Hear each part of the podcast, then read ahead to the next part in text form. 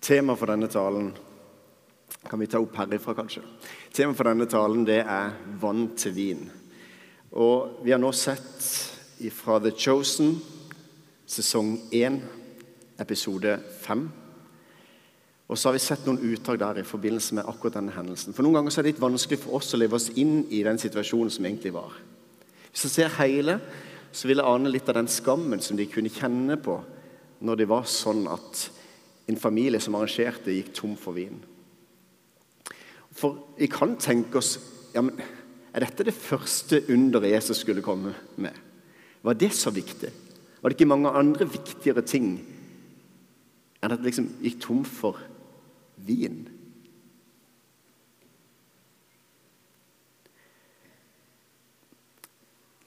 Har lyst til å dele litt flere sånne perspektiv på det i denne talen. her. Jeg har lyst til å snakke litt om vårt forhold til alkohol. Og så har jeg lyst til å snakke, Men det blir sånn litt sånn ekskurs, eh, sånn litt utenom, for det er ikke det som er ment i denne situasjonen. Men for oss så er det kanskje en av de vanligste argumentene for å drikke alkohol, det er at Jesus gjorde vann til vin. Og så bruker man det som et argument for at da er det fritt fram. Og så har jeg lyst til også å sette deg inn i litt i den konteksten som faktisk var i forbindelse med dette. Denne teksten som passer godt inn i åpenbaringstida for å fortelle noe om hvem Jesus var. I Johannes 2,11 så står det dette var det første tegnet Jesus gjorde. Det var i Kana i Galilea. Han åpenbarte sin herlighet, og disiplene hans trodde på ham. Og når Thomas står der på en måte med disse eh, renselseskarene Som er ufattelig fint symbolsk. For disse karene som, karene som er så viktige i jødisk skikk, disse renselseskarene Johannes 2, 6. Det sto seks vannkar av stein der, slik som brukes i jødenes renselsesskikker. Hvert av dem rommet to eller tre anker. Altså 70 eller 105 liter. Så disse er fylt opp med vann, og så er det en Hele livet til en jøde den dreier seg om å ha renselseskarene tilgjengelig. Det var lover for slikt. Strenge lover. Og ingen ville risikere å bryte loven på dette feltet. her. Og Gjestene de måtte stoppe ved renselseskaret og vaske hender og føtter for å bli rein. Og Så blir renselseskaren her stående som et symbol på loven og lovens krav til alle gode jøder. Og så er det ut ifra disse renselseskarene at vannet gjøres om til vin. Og vi vet at det er Jesu blod som renser oss fra all synd og skyld. Se viktigheten av denne forandringa som gjøres fra vann til vin. Det er ikke tilfeldig. Det var ikke bare 'hent noe vann'. Og Derfor, når da Jesus tar denne hånda nede i vannet, og du ser åssen det drypper av vin en vin som kjøkkenmesteren aldri har smakt så god vin noen gang. Og så ser du hvordan hånda til Jesus måtte, Du ser at det ligger smerte lenger framme. Jesus vet hva det innebar. Min time er ennå ikke kommet, sier han til sin mor. Når Jesu mor sier, 'Kan ikke du gripe inn her?' Og denne bønnen som Maria ber med inderlighet Kanskje vi kan tenke at det er trivielt at det handler om vann til vin. Men de ber med inderlighet. Og det er en bønn som sier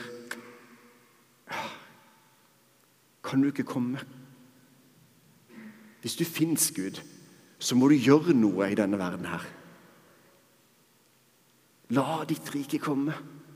La din vilje skje. Den samme bønnen som vi roper opp. Gud, nå må du gjøre noe.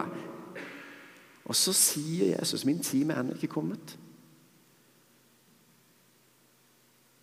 Men Jesu mor ba og gjorde at timen kom. Og det var starten på Jesus sitt virke. Fram til da så hadde de sett under også skje seg imellom, men ikke offentlig. Så dette var startskuddet for at Jesus nå fortalte hvem han var. For det at ved at Jesus gjorde under, så viser han at han er Gud.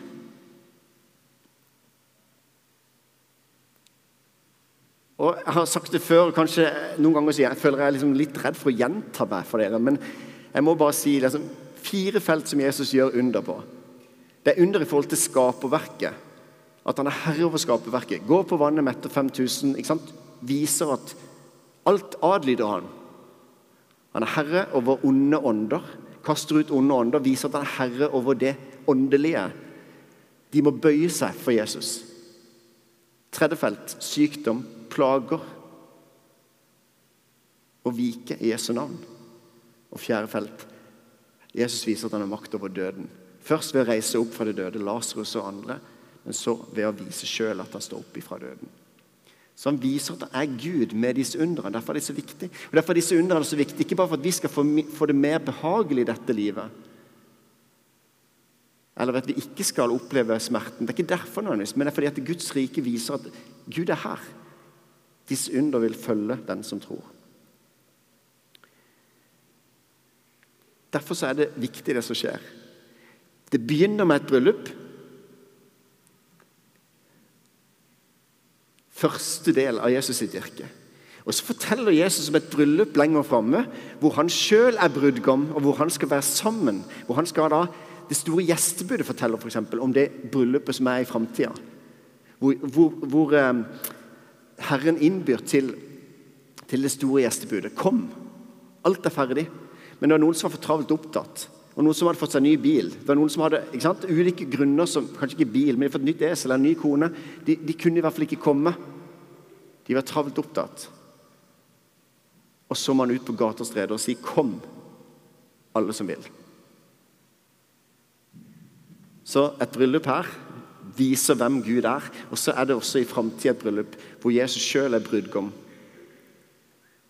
Så det er fint at det rammes inn på den måten. Fra vann til vin. Fra død til liv. Så dette vannet blir foredla. Dette vannet blir liv. Liv for mennesker. Og min time er ennå ikke kommet. Så er det faktisk interessant, for den, dette er søndagens tekst i kirkeåret. Og så er det interessant å se lesetekster, for egentlig er det litt sånn vanskelig å skjønne hva, hva, de har med hverandre å gjøre. Men kanskje spesielt den der 'min time er ennå ikke kommet'. For samtidig som en lesetekst er da å se en ny himmel og en ny jord. For den første himmel og den første jord var borte fra Johannes' åpenbaring 21. Se, Guds bolig er hos mennesker. Han skal bo hos dem, og de skal være hans folk. Og Gud selv skal være hos dem. Han skal være deres Gud. Han skal tørke bort hver tåre fra deres øyne. Og døden skal ikke være mer, heller ikke sorg eller skrik eller smerte. For det som en gang var, er borte. Han som sitter på tronen, sa, Se, jeg gjør alle ting nye. Og han la til, Skriv det ned, for det er troverdige og sanne ord. Det er på en måte knytta sammen med 'min time er ennå ikke kommet'. Og så kan vi på en måte vente på den dag da det skal skje. Vi kan lengte etter det, og vi kan si 'vent litt, vi har lyst til å oppleve litt først'. Men en dag så skal det være rettferdighet.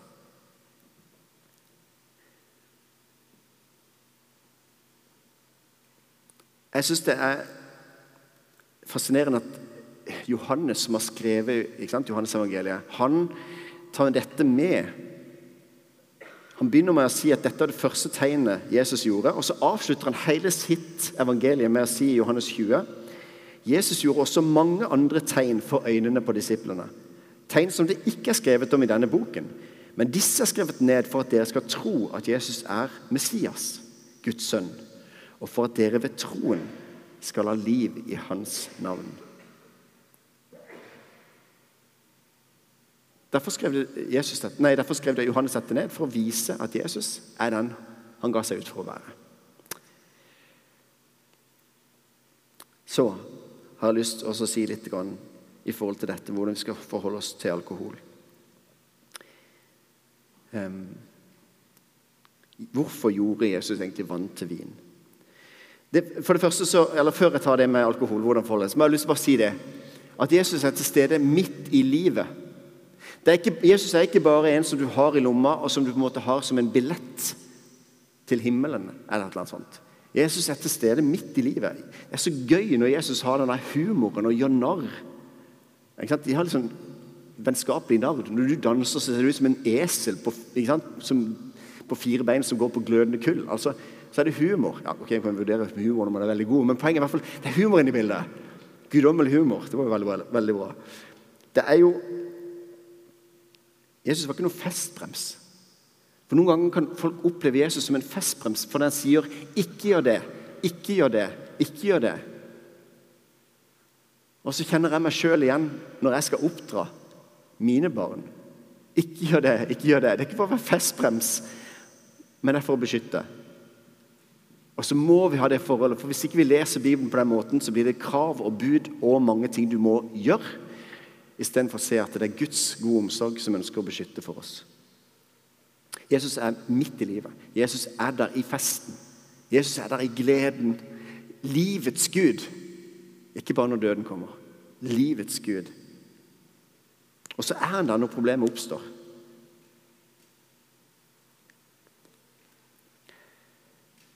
Og så syns jeg det er så fascinerende at Jesus kunne jo bare gjort det sånn, men Jesus lar underet skje imellom hendene på tjenerne. Han lar det skje imellom hendene på kirkevertene og de som var med og hjalp å dele ut i dag. For vi har feira nattverd. Smaker. Truejus. Oblat. Ikke så veldig god den oblaten, for å være helt ærlig. Men Underet skjer imellom hendene. 100% vin fremdeles, men 100% Jesu blod. Og så er det til minne om det som han gjorde. Men det blir også sånn at jeg kan gjøre det i tro. Jeg kan spise nåden, jeg kan ta imot nåden og si at Av og til så klarer jeg ikke å tro på deg, Gud, men jeg velger å ta imot.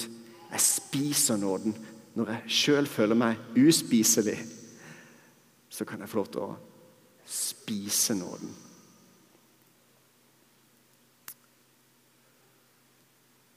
Jesus er her i dag.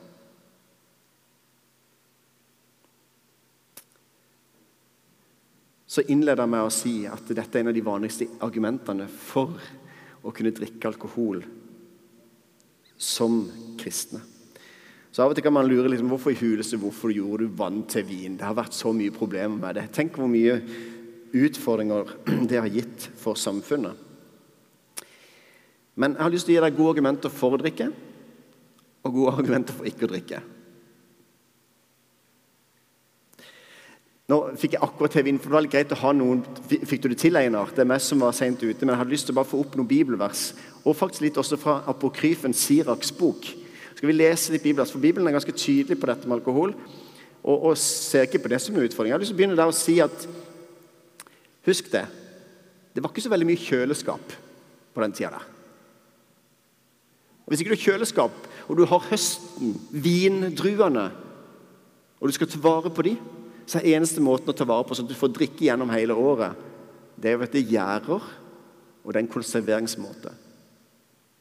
Så jeg, hørt, jeg tror jeg har hørt en gang at, at det var, dette, var ikke, vin med alkohol, det Jesus gjorde her. Ja Det var alkohol. Og det gjorde at det, det ble tatt vare på. Du salter kjøttet, og du får vinen til gjære. Og det kan drikkes hele, gjennom hele året. Og det gjorde at du kunne ta vare på maten. Bare for å begynne der, da, for av og til så glemmer vi litt det. at eh, det var ikke kjøleskap og brus, liksom, eh, på fest. Så står det i Lukas 21, 34. La dere ikke sløve av svir og drikk eller av livets bekymringer, så den dagen plutselig kommer over dere. Sløve av svir og drikk, altså svir, svirelag altså Det er mange sånne ord som Jeg hadde på festen i går noen ord og uttrykk. Det er så mange ting man ikke, man ikke kan. Men Unnskyld. Jeg var redd jeg skulle vekke dere, og det hadde vært litt dumt. Eh, for det første så har jeg lyst til å bare slakte alle dårlige argument.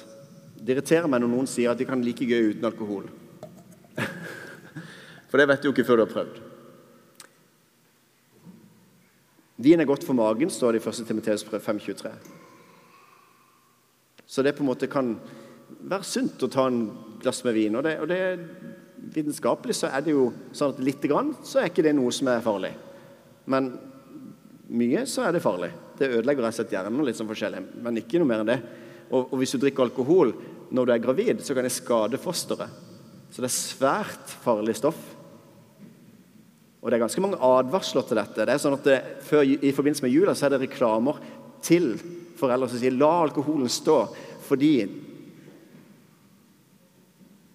bare, ikke, Den reklamen er ikke laget for syv-åtte hjem rundt om i Norges land. Det er fordi at det er svært utfordrende i Norges land med alkohol. Over 300 000 barn har en forelder som misbruker alkohol.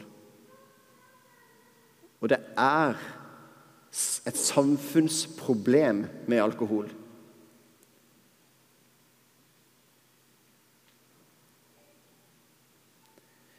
Men Bibelen har ganske mange positive ordlag. Vi skal gå videre. Så skal vi se Jesaja 56, 12. Kom, jeg skal hente vin, så vi kan drikke oss fulle. Og morgendagen skal bli som denne, en stor og herlig dag. Ja, det, liksom, det er jo positive ordlag, er det ikke det? Eller ordspråkene 31, 6-7. Gi sterk drikk til den som er sin undergang nær, og vin til den som er bedrøvet i sjelen. La ham få drikke så han glemmer sin fattigdom, og ikke mer kommer sin møye i hu. Men så er det litt stilig òg, i ordspråkene bare i 23 så står det ordspråkene 23, 29-35. Hvem roper akk? Hvem roper ved? Hvem har trette og klage? Hvem har, så, hvem har sår for ingenting? Hvem har røde øyne? De som sitter lenge oppe ved vinen. De som kommer for å smake på den krydrede drikk. Se ikke til vinen hvor rød den er, hvordan den perler i begeret, hvor lett den går ned. Til, sist, til sist biter den som en slange og hogger som en hoggorm. Da vil dine øyne se merkelige syner, og ditt hjerte snakke tull og tøys. Du blir like en som sover midt ute på havet, like en som sover i toppen av en mast. De slo meg, men det gjorde ikke vondt. De banket meg, men jeg kjente det ikke. Når skal jeg våkne? Jeg vil se og få tak i enda mer. Slik lyder Herrens ord. Så Det finnes noen argumenter hvis man vil se det, så finnes det som, altså, argumenter for alkohol. Men jeg, det finnes noen argumenter mot alkohol også, og da har jeg lyst til å si litt om det også. Um, for det første så er det litt viktig, spesielt siden det er ungdom til stede, så er det litt viktig å si at det, av og til så kan jeg tenke at mange aldersgrenser i samfunnet er litt lave. I forhold til alkohol så er det 18 år. Det er forbudt under 18. år. Hvis du gir alkohol til noen som er under, så er du medskyldig i det. Så Det er litt viktig å si at det er, det er et farlig Det kan føre til farlige ting. Det er viktig å si at det er forbudt. Og Vi er ganske sånn strikte på det når det gjelder bilkjøring, eller andre ting, men, men det er forbudt. Vi er nødt til å beskytte, for det er, det er farlig stoff. Stoff, ja. Men poenget er i hvert fall, det, det er farlig, og derfor så vil vi beskytte. Derfor er det norsk lov som sier det er forbudt. Og det er Kjempeviktig. Og så så jeg det som voksen. Da husker jeg når jeg var på gardeball og fikk servert um, alkohol. Så ble det en pinlig situasjon, for de helte oppi før jeg visste det. Og så sier jeg du, nei, jeg drikker. De bare de ser mellom Hva skjer? En på gardeball som ikke drikker alkohol. Um, fikk litt prat om det etterpå, men jeg ville ikke vært i den situasjonen egentlig. Jeg ville bare gjort det for liksom å gli vekk. Jeg hadde ikke lyst til at det skulle være fokus. Men så ble det det. Og så så jeg ikke helt Som jeg og Randi smakte alkohol første gang som voksne. Eh, 20 år. Og det var veldig romantisk. Vi hadde sett på TV at det var skikkelig romantisk. Og så smakte det pyton. Og så kom han var så, han er kelneren på Gran, i Gran Canaria der. Han, han, liksom, ble så 'Å nei, likte den ikke.' ikke sant? Så kommer han med 'Nei, dessverre, vi gjorde ikke det.' Og så kommer han med ny, og så var det bare enda verre. Poenget var bare Det ble flaut, på en måte. Men grunnen var at jeg så ikke at det var noe bibelsk belegg for å ha avholdsstandpunkt Og Derfor ønsker jeg ikke selv å være totalavholds. Men det som Bibelen sier noe om, det er å drikke seg full. For det som en ser i samfunnet vårt, i Norge i dag, så er det sånn et usunt forhold til alkohol. Eh, alle nordmenn er kjent for at eh, hvis du er på danskebåten eller andre steder, så er det på en måte drikke seg kanakkas. Så er det på en måte Ja. Det er ikke noe god drikkekultur. Og kan vi si det er mye bedre i Danmark. Det vet jeg ikke om det er, om det er bedre i Danmark. Poenget er at de har et mer naturlig forhold til alkohol. Men samtidig er det også mer plager, for det drikkes, det konsumeres mer alkohol. Men poenget er at vin det er ikke noe galt i å drikke vin. Men det utfordres, vi utfordres til det å drikke oss fulle. At det skal vi ikke gjøre, for da mister vi kontrollen. Og så kan, kan det gjøres ting som ikke skal gjøres, eller, av, eller, beslutninger som tas som ikke er gode. Derfor står det i 1. Tessalonikerbrev, kapittel 5 La oss derfor ikke sove som de andre, men la oss våke og være edrue. De som sover, sover om natten, og de som drikker seg drukne, er drukne om natten. Men vi som hører dagen til, la oss være edrue. La oss stå iført troens og kjærlighetens brynje med håpet om frelse som hjelm. Så står det videre i Efeserne 5,18. Drikk dere ikke drukne av vin, for det fører bare til utskeielser. Men bli fylt av Ånden, så dere taler til hverandre med salmer og lovsanger og åndelige sanger og synger og spiller for Herren i deres hjerter. Og alltid takker Gud og Faderen for alle ting i vår Jesu Kristi navn. Så drikk dere ikke drukne på vin. Er liksom, Bibelen er ganske tydelig på det feltet der. Og så er poenget da, Kan man da ha vin og kose seg med det? Ja, det kan man. Men det er ikke alltid at den andre som ser deg drikke vin, vet at du klarer å stoppe med et glass. eller så Derfor kan det være noen andre grunner som gjør at det kanskje ikke er så lurt. Eller kanskje drikkekulturen i Kristiansand som gjør at det ikke er så lurt. Eller kanskje det kan være andre gode grunner som gjør at man kan argumentere for et avholdsstandpunkt. Og Et av de beste argumentene for et avholdsstandpunkt det er når jeg fikk lov til å være med og tjenestegjøre i, i Bymisjonen i Bergen. Blokkhjemmet der. Da var jeg bymisjonslærer, bibelskolelærer på Bildøy. Og vi var inne i praksis. Hollendergata det gjorde inntrykk for meg. Da skulle jeg egentlig bli, um, siviløkonom, og da treffe en annen siviløkonom som var på kjøret. Som har blitt alkoholiker. Drukket. Så skjedde det noe svært krevende i sin, i sin livssituasjon. Trøsta seg med alkoholen, og så bikka det. Det å treffe en lege, en tidligere lege som alkoholiker, det gjør inntrykk på meg. Jeg vet ikke hvor den grensa går for noen av dem der. Jeg vet bare at det, det har ført så utrolig mye ulykke med seg. Det er gode grunner, av sosiale grunner, til å være avholds. Og Problemet er det at hvis vi har på en måte en kveld som er på en måte, eh, hvordan forholde seg til alkohol, eller noe sånt, så, så kommer man, da kommer de som er avholds, på, på den kvelden. ikke sant? Derfor har jeg lyst til å ta det inn i en gudstjeneste. Snakke om det. Fordi det er en del av vår virkelighet. Og Velger du det ene eller det andre, så skal du få lov til å ta valget. Men tenk gjennom det, og ikke ta endre på det valget akkurat den kvelden. Fordi at det er, Du hadde egentlig et prinsipp eller du hadde egentlig et standpunkt, og så endra du det fordi at det bare ble sånn. Da må du i hvert fall vente til dagen etterpå.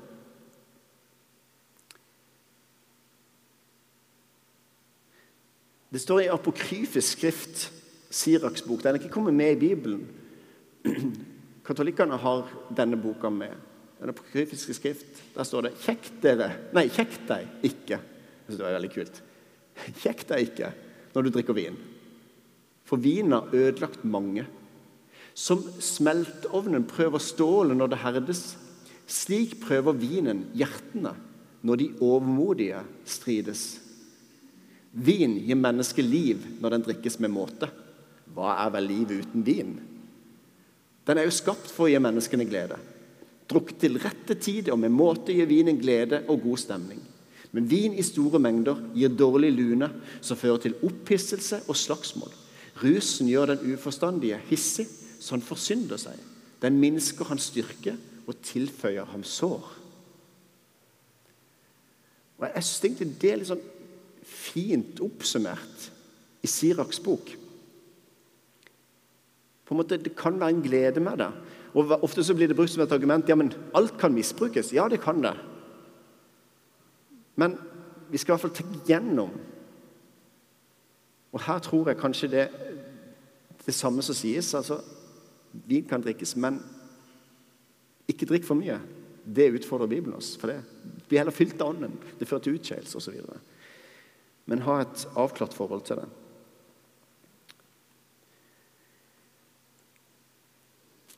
En av de andre grunnene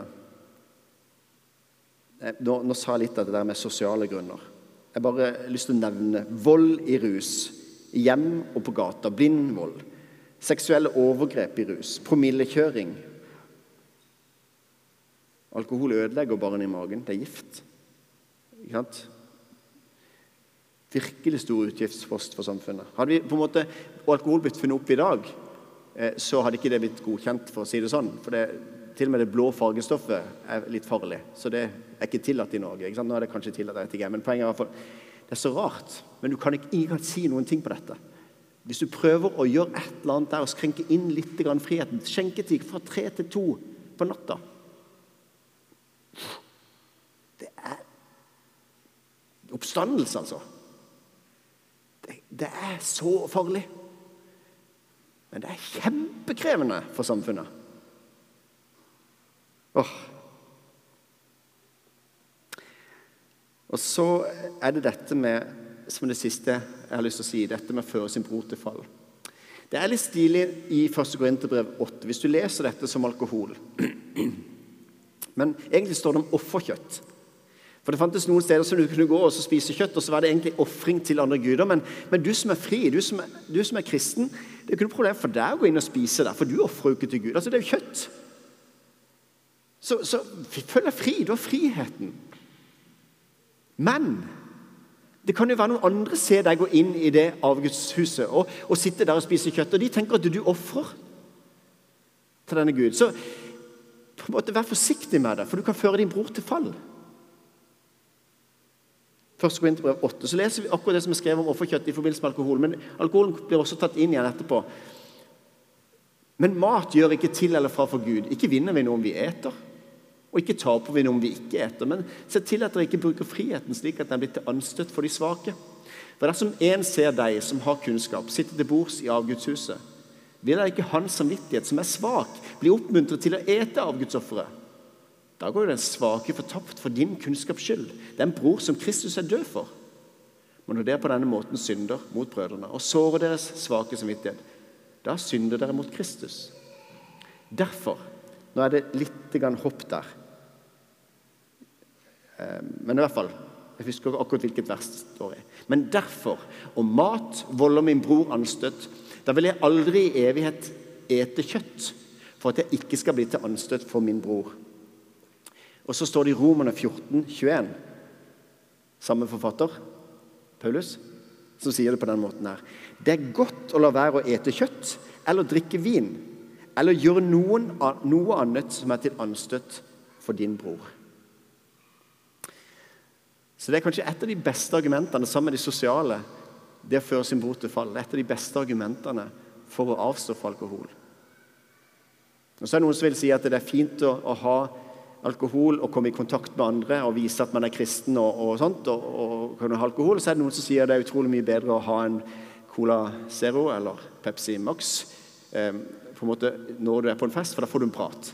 Og så er det noen som synes det er kjedelig at det alltid er det samme du skal gå inn på. Hvorfor drikker du alkohol? Det sier litt om hva fokuset er på i samfunnet. Det er hvor, altså, Du kan ikke la være å drikke. Og det Samme utfordringer møter også, også mange som er eh, idrettsfolk eller andre som avstår av andre grunner. Jeg vet ikke om dette har vært noe opplysende, eller om det har vært utfordrende, eller jeg skulle vært tydeligere den ene eller andre veien, eller du har sikkert noen tanker akkurat nå. Men vi må finne de gode argumentene for å avstå, ikke de dårlige. Og så handler det om Eller jeg syns det kan oppsummeres litt i Siraks bok. Jeg har lyst til å utfordre på dette som handler om eh, å føre sin bror til fall. Jeg har lyst til å utfordre på dette med å drikke dere drukne. Så kan det liksom være det viktigste jeg utfordrer på. Og så syns jeg det er vakkert med de som har et avfallsstandpunkt og er bevisste på det. All kred. Og så sjøl har ikke det avfallsstandpunktet lenger, men er svært restriktiv på det. Spesielt fordi man er leder. Og noen tenker at, tenk, tenk, hvis jeg hadde gjort sånn at hvis noen ser meg drikke, så tenker de at han drikker, da kan jeg òg drikke. Det er den som jeg kjenner på. Og så hvilke de kunne sette grenser. Men det er noe med å sette pris på det som skaperverket har gitt oss. Alt kan misbrukes. Derfor tenker jeg at jeg har lyst til å oppfordre deg til å tenke gjennom forholdet til alkohol. Spesielt det å kunne være en forskjell i forhold til kollegaer eller andre som ikke har den grensa, eller som det er om å gjøre å bryte den grensa fortest mulig. Fordi at det er da det blir gøy. Eh, så det er ikke noe mer oppfordring enn det. Og så vil jeg ta oss litt tilbake igjen nå. Jesus gjorde vann til vin. Jesus er livets gud. Han er til stede midt i festen. Han gleder seg sammen med deg. Og så er han til stede når det er vanskelig. Når du roper opp til han i fortvilelse, så er han der. Han er og svarer bønnen. Han ser det.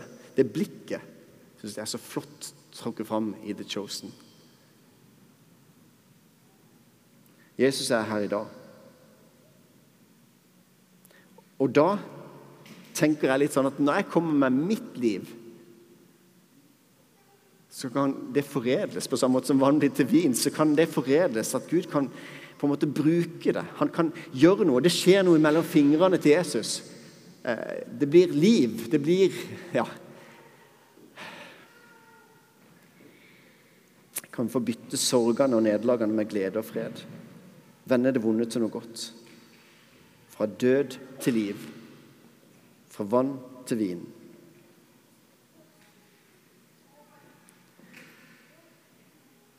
Og så er jeg så takknemlig for der vi begynte. Renselsesskikken som jødene hadde ved at Jesus går i døden. Så når vi drikker det, den vinen, så ofte som dere drikker det, gjør det til minne om meg. Som Renate sa, altså, vinen var jo der, som bruset er der. Så hver gang dere drikker det, gjør det til minne om meg, for er etter det så var den røde vinen Det minte om Jesus i blod, han som ga sitt liv for dermed. Så Tenk hvis det kan være og Derfor syns jeg det er fint å på en måte ha det et forhold til vin, at det er det vi får i kirka. For da blir det enda mer som påminnelse for at det faktisk var det som Jesus gjorde for oss. Beklager litt lang tale, men jeg hadde lyst til å bare dele dette med dere i dag. Og så har vi lyst til å invitere til forbønn. Hvis det er noe som du har lyst til å legge som konkret, så kom og si det helt kort. Hvis du har litt lengre, så kom og si det helt kort. Så kan vi avtale en tid på kontoret med meg eller Renate eller andre. Og Det er flere menigheter som ønsker å samtale. Men, men, ta og prat om det. Vi ønsker å gå sammen med deg. Vi ønsker å be sammen med deg. Og Hvis du ønsker bare en velsignelse, bare kom og si 'jeg ønsker bare en velsignelse'. Står det der, så lyser vi velsignelsen over deg. Når vi innbyr til nattverden, så sier vi 'Kom, for alt er ferdig'. Jeg har lyst til at eh, Når vi nå synger litt lovsang, så, så kom. Han har gjort alt ferdig. Og så er det ikke på nytt invitasjon her. Det er grunnlaget for at vi kan leve sammen med han. Og så kom og gå og lev sammen med Jesus der du er. Og la det være ditt fremste ønske. La det være håpet du har, enten du har alkohol eller ikke alkohol på den festen. Vis Jesus, vis hvem han er, så at de kan bli kjent med han. Det er så mange som lengter etter Jesus. Og Det er mitt ønske for mitt liv. Jeg ønsker å gjøre Jesus kjent. Jeg håper det også at du har lyst til å være med på å gjøre det. Kjære Jesus. Takk for alle de gleder du har gitt oss i livet. Takk for at du er der og gråter med oss i smertene. takk for at du lover at du er alltid, alle dager, er med oss inntil verdens ende. Amen.